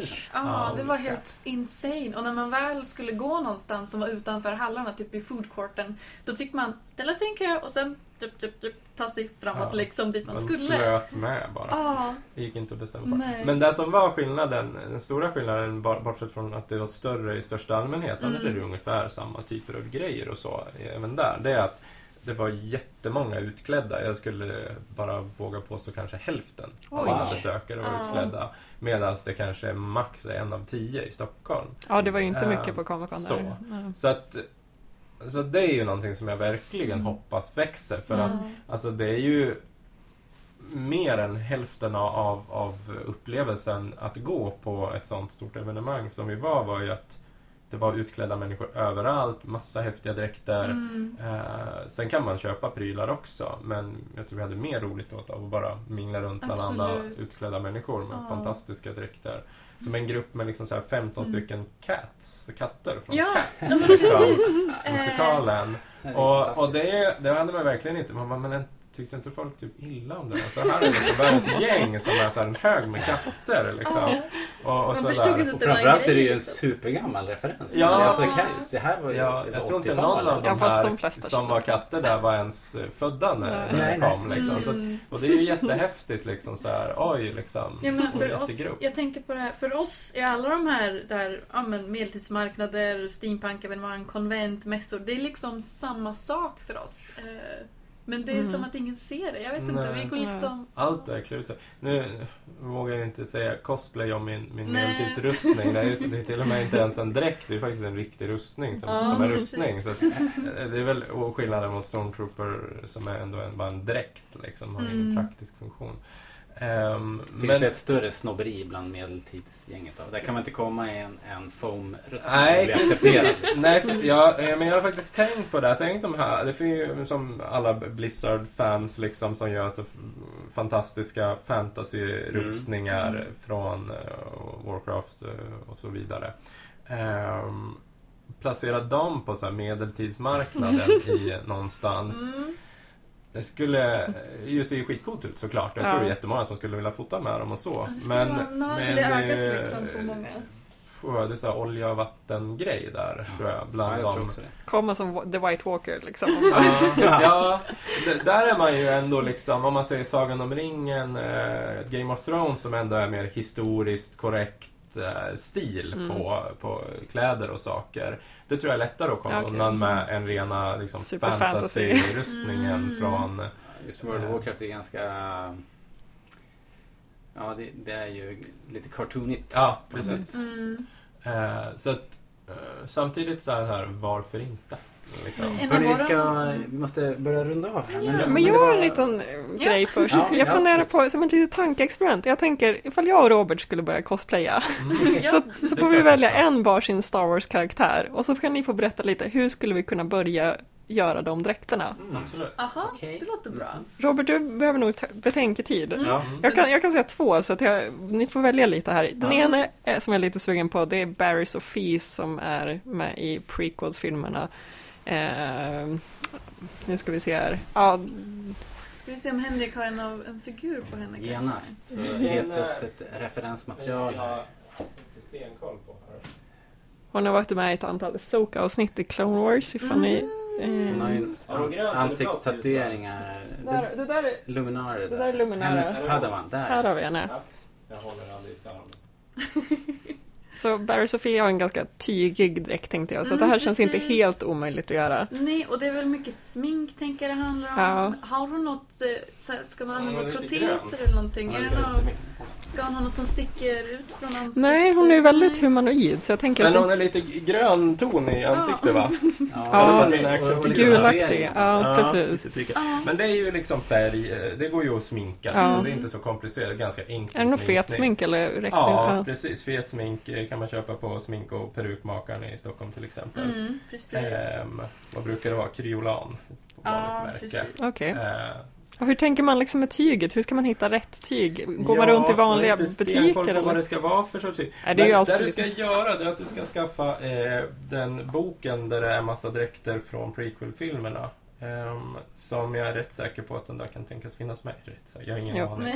Det är mycket möjligt Ja. att det skulle kunna vara med. Mm. Ehm, det finns en bok som kom för ett antal år sedan eh, med prequel-film. Det är Så den går det som kom med massa tygprover och grejer. Eller var Det- det, en Nej, det specialare? var, det med tygproven, det är Amidala-boken. Det är om med Okej. alla hennes klänningar. Mm. Eh, så där finns det till exempel referensmaterial om man vill ha en Amidala-klänning. Just det. Eh, men den här karaktären, hon är ju inte så ovanlig. Så det finns ju flera som har klätt ut sig till henne. Ja. Eh, Mm. så det man kan göra är dels att kolla på vilka medlemmar som har henne som dräkt på Mm. Rebel Legion-forumet till exempel. Eh, För hur är den liksom, strategin om man tänker just leta rätt tyger? Blir det att man eh, googlar och liksom köper online, försöker Mm. hitta så ja, likt som möjligt? Titta Eller? på bilder på hur, hur, liksom, hur ser tyget ut, hur, Mm. vad har det för fall, alltså är det stelt, är det mjukt, liksom, hur rör det sig lite. mm. Och sen gå förslagsvis till din lokala tygaffär och börja där Ja. och titta. Eh, Mm. När vi skulle göra Le- Annas Leia-klänning så hade vi ju liksom så här: okej, typ så här ska det vara. Och sen gick vi och letade och så, så hade vi tur nog att hitta ett, eh, någon slags polyester Mm. eh, syntetiskt tyg som så här, ja men det här är rätt, rätt typ av, det är inte för blankt, det är inte för matt, det, det, det beter sig och Mm. genomskinligheten var liksom lagom Ja, men som det precis. så här, ja men det här blir Mm. jättebra. Och för varje dräkt, rustning eller tygdräkt eller vad det är, då finns det ju alltid en beskrivning vad det är som krävs för att bli medlem. Och ofta står det där Ah, vad, okej. olika, vad man har själv letat upp för referenser och då kanske det till och med står att ah, men det ska vara en sån här typ av Mm. mantelmaterial. Eh, Och hur gör man liksom mönstermässigt? Säg att man kan sy men inte kanske är så skillad på att Man kan- komponera. Precis, alltså om det finns någon som har gjort något tidigare som man kan använda. Annars så här Burda-kataloger. Ja, hos, Liksom, Ja. eh, Börja modda Ja därifrån. men titta liksom, bläddra upp någon klänning. Det mesta Mm. kläder liknar ju någonting Ja. som har gjorts någon Mm. gång. Eh, så i det här fallet är det ju eh, en Burda-katalog? Det är en sykatalog. Ja, ja, symönster. Burda, det är eh, märket liksom. så Jättevanlig. Det är någon tysk tidning tror jag.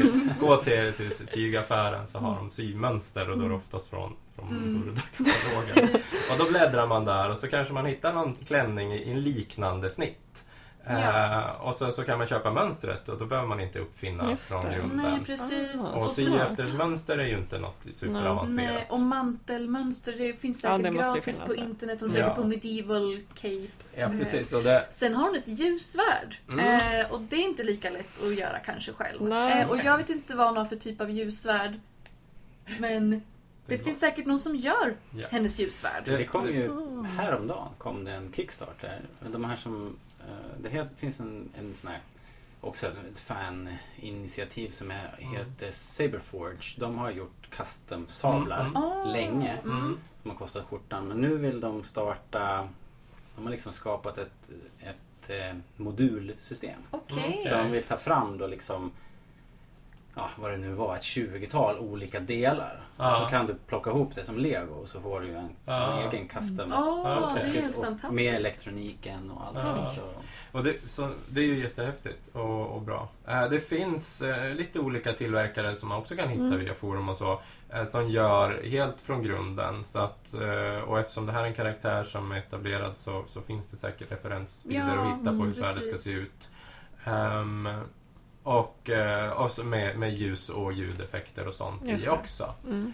Ehm, det är ju inget krav eh, på att du har ett ljussvärd som kan lysa, kan jag inte tänka mig i alla fall. Du skulle kunna ha bara själva handtaget. Mm. Ja, Och det skulle kunna-. Jag tycker egentligen i- det är snyggare. Kar- Ja. karvar i trä eller något så Ja, länge det har rätt Just form. det. Men ja. det är ju klart, det är ju coolt att ha och man kan oftast ta bort klingan på de här Ja. så att man kan gå runt med Just det. utan Mm. eh, om man bara ska ha det i bältet eller med om man ska lysa och fäktas. Precis, och man får ju kolla vad det står i Costume Standards eller Mm. vad det står. Eh, för man måste ju inte ha alla delar heller innan man kan bli medlem. Vad det gäller X-Wing i pilotdräkten då behöver jag inte ens ha en hjälm för att Nej. kunna bli medlem. Det kunde jag skaffat Mm. senare.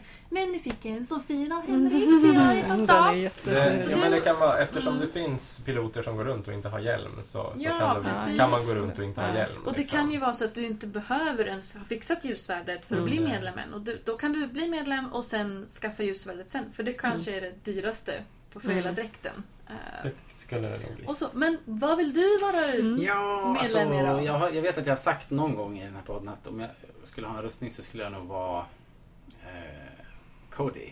Mm. Clone Mm. Trooper Cody. För jag tycker det är en cool rustning. Mm. Mhm. Men jag har inte sett så många. Man ser inte så Nej. mycket kloner överhuvudtaget. faktiskt. Nej, nej, det har inte blivit så stort. Ehm, men det finns också där hela kit att köpa. Eh, speciellt eftersom att det är en fas 2-klon då med den andra typen av Mm. hjälm då, som Ja. de har i Episod 3. Eh, som är lite, lite mer närmare en Stormtrooper-hjälm i utseendet. Evolutionen däremellan. Mm. Eh, rustningen är densamma så vitt jag vet helt och hållet. Eh, så det finns att köpa. Och sen så han har ju en speciellt visir på Ja, sin precis. hjälm. Och eh, jag kan tänka mig att det finns tillverkare för det också. Annars skulle det i så fall vara en, en mindre detalj man skulle behöva tillverka själv Den på ett skulle eller annat sätt. Till och med då. kunna fixa. Men hela Mm. resten av, av, av rustningen går ju att få tag på. Hela kit. Och sen är det ju bara att måla lite orange, tror Så det tilltalar mig egentligen. Jag älskar ju att bygga modeller och, Mm. Och är man sånt där, speciellt- Men jag Ja, men hur lång- praktiserar inte så mycket. Hur lång är du på en höft? 186 centimeter. Det är ju en rätt bra längd. Som är så här, Mm. Tämligen så här normal, medellång. Uh, vilket är också väldigt troligt att, att det passar en. Någonting som någon annan har gjort. Då. Mm. Eh, är man väldigt lång eller väldigt kort så är det ju svårare för just sådana rustningar är så Ja, ganska oförlåtande Ja. åt, åt alla håll. Antingen får man väldigt långa glipor som ser inte så snyggt ut eller Ja. så ja, Nästan värre att vara väldigt lång då förstås. För kort Ja. kan, man, kan man alltid kan dramla ner lite. Jo, liksom. det, precis. Det kan ju fall. gå att kapa lite här och lite där. Så är det ju med stormtrooper-rustningen också. Det går ju att kapa i, i så här, smalbenens underkant och lårens överkant och, och lite så här, här och var så kan man ändå så anpassa ner sig.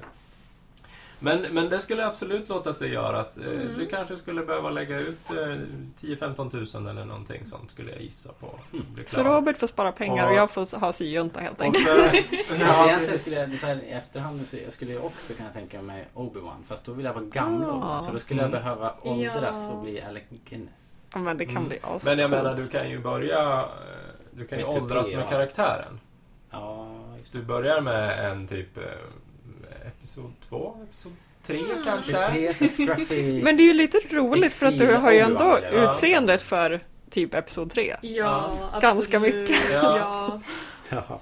Så, att du har ju något att gå på. Alltså, när jag var yngre så sa att jag såg ut som eh, Stefan Edberg. Så jag skulle kunna cosplaya som tennisspelaren Ja, Stefan Edberg. det är faktiskt en intressant sak att du nämner eh, just en sån grej. Kan man cosplaya en, En kändis? kändis. Kan jag cosplaya Michael Jackson? Mm. Eh, så. Eh, för det är ju liksom så här, vad, vad, vad är De är ju gränsen? ändå riktiga Mm. människor. Det är ingen popul... Alltså, det är ingen påhittad karaktär liksom. Nej, okej. Så, så där är väl, det är väl... Det är klart folk kan säga olika, men, men det normalaste är nog att man inte pratar om cosplay när man klär ut sig till en, en, en verklig person. Mm. Så. Ehm, utan det handlar framförallt då populärkulturella alltså karaktär, påhittade karaktärer i serier, filmer, spel och så vidare. Ehm, annars är man väl mera kanske en lookalike, Mm. skulle jag säga. Mm. Det är väl också Som det ett man har hört. begreppet man använder oftast. Mm. Okej. Ehm, Så att de här som cosplayar som George Lucas och Dave Filoni. De är, de är mera lookalikes, ja. ja. Det skulle jag säga. Och det skulle förmodligen de säga. Men det finns väl inga regler. Men om man tänker sig vad Tyckte jag hörde någon att det var lite som en regel. Allt. mer en riktlinje. Ja, just det. More like a guideline actually. Eh, Ehm, så skulle jag säga. Okej hörni, ska vi, ska vi börja runda av kanske? Ja, det kan vi göra. Superkul att höra. Och nu är det bara hem och börja sy då, Hanna. Tydligen. Just get started. Ja. Leta tyger. Ehm, det var en grej, det var en kille som, eh, som skrev in och ville ha boktips. Mhm. Kan jag läsa upp det? Ja. Det hinner vi med va? Ehm, så här var det. Han skrev så här. Hejsan Rebellradion. Eh, först och främst tack för en grym podcast. Thank you. Och nu till min fråga. Jag har sett alla filmer och hela Clone Wars. Bra jobbat. Ska snart börja se Rebels. Men jag känner för att läsa Star Wars-böcker. Jag vet att det finns massor av böcker och jag har varken ork eller tid eller lust att läsa igenom allt. Så därför frågar jag er om ni kan ge tips på några kanonböcker inom parentes som relaterar till handlingen i filmerna. Jag vill alltså inte läsa böcker om The Old Republic eller hur Bane startade The Rule of Two utan mer aktuella böcker som kompletterar filmernas story. Oh, det är ju typ de enda Eh, böckerna jag har läst. Ja, Det var ju tur för mig. ja men då så. Eh, det var Niklas Gerardell som hade skrivit in. Vad roligt Niklas. Hanna, du, Ja, jag, du, har, vad säger du, du har läst mycket.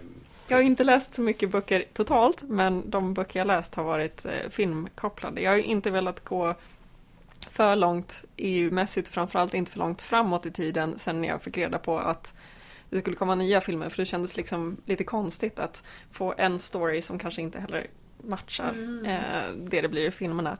Eh, men jag har, min absoluta favoritbok när det kommer till Star Wars, det är ju Revenge of the Sith. Jag tror att den heter så som bok också. Mm. Den som handlar egentligen om, det är bara en bokversion av Episod 3. Och den är jättebra skriven. Eh, den ger en mycket fylligare filmupplevelse sen också när man upplever det. Alltså Episod 3 är ju, har ju en riktigt bra story, men kanske inte alltid genomförs perfekt. Eh, I filmen. Nej. Nej, i filmen ja. Eh, så att, att få liksom, bokversionen av en bra story, eh, det, det är precis vad man får där. Mm. Eh, så den tycker jag helt klart läsvärd. Jag kan hålla med. Jag lyssnade igenom den nyligen. Och det är för att jag har också lyssnat igenom all ny kanon som har kommit. Oj, ja. Nästan. Jo, jag har nästan gjort det. Och eh, det blev så dåligt så att jag tänkte att jag Ja. gillar inte Star Wars-böcker. Jag gillar inte Star Wars längre tänkte jag. Så jag måste, Oh, no. jag måste testa det här. Jag tar den här boken, eh, Revenge of the Sith, som alla säger är liksom superduper. Mm. Och gillar jag den så, så ska jag överväga att läsa en bok till. ja, för du har läst mycket Star Wars-böcker det väldigt jag totalt. gjort. Eh, Tyvärr så, jag tycker inte de här Canon-böckerna som har kommit nu sen Disney tog över och allting har riktigt hållit måttet. Vi har ju samrecenserat Tarkin till Ja, exempel som nej, vi båda var rätt hypade på men den var inte så här superduper. Den vi var båda lite besvikna på. Men han som skrev Tarkin har ju också skrivit boken Darth Plagueis som vi refererar till lite då och då. Mm. Plagueis är ju alltså, vad blir det, mästaren till Darth Sidious. Precis. Så man kan lätt tänka sig att det här inte riktigt är vad ska man säga, prequel-tiden utan tiden innan. Men faktum är att den är ju i stort sett en origin-bok om Darth Sidious, alltså Palpatine, Emperor Palpatine, eh, som beskriver väldigt mycket av politiken bakom Mm. och strategin bakom hela hans härskardöme. Eh, så att även om den då inte är helt kopplad till filmerna så är den tillräckligt kopplad tror jag för att... Plagueis alltså. Ja, precis. För att Niklas skulle nog gilla den tror jag. Det tror jag också.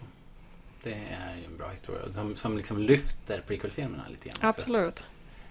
Och det gör väl kanske Tarkin också men Mm, jag tror inte vi rekommenderar det ändå.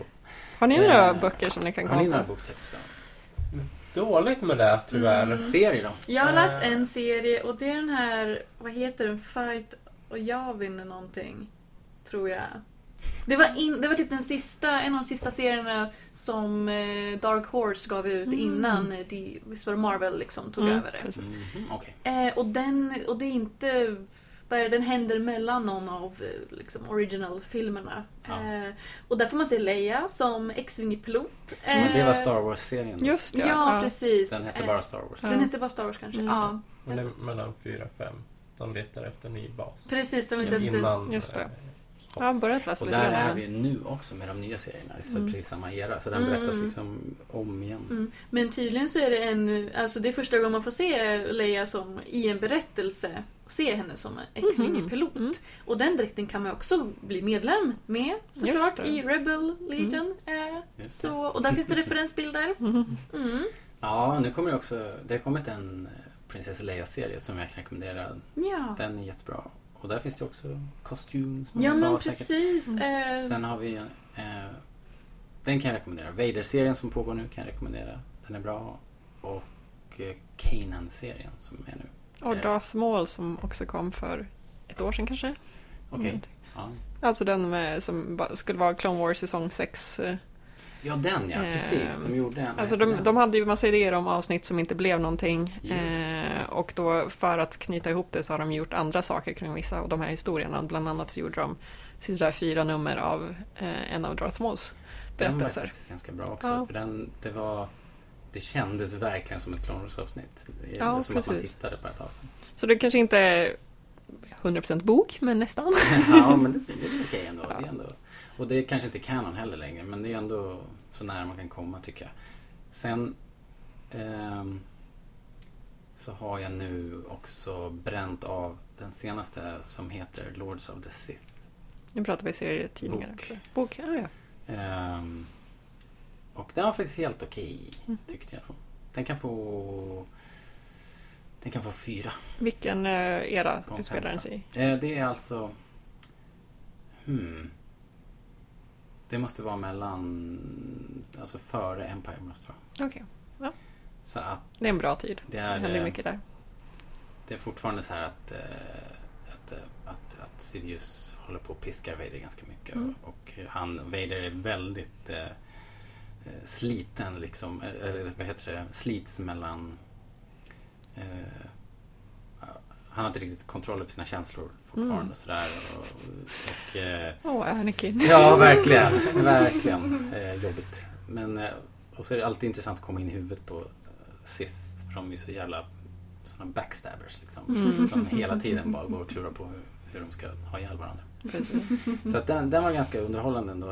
Även om inte, inte allt var inte bra. Och eh, en del klyschor. Kan, de kan liksom inte låta bli de här författarna. Vad fan. Men, eh, men på det hela taget var den godkänd i alla fall. Okej, så det var lite boktips då. Det var det. Vad kul Ja. att du skrev. Ja, tack för brevet och eh, vi uppmanar alla som lyssnar att skriva in sina frågor så vi har, har någonting att prata om. eh, och då gör man det kanske lättast på rebellradionpodcast.gmail.com Man kan twittra till oss på ett rebellradion eller så har vi en Facebook-sida. Det är bara att söka, googla på rebellradion så dyker vi upp. Mm. Besök också bloggen som vi uppdaterar nästan dagligen får jag säga nu. Väldigt mycket. Det beror liksom på lite grann hur mycket intressant det kommer. Men, men det är ju ofta är det ju fler än en grej om dagen där. Mm. Där kan ni hålla er ajour. All right.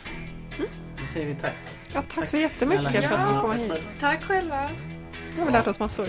Ja, verkligen. Nu ska vi hem och sy Bara hem och fixa. och spara pengar. Ja, get started. All right. Hej då allihopa. Hej då! Hej då!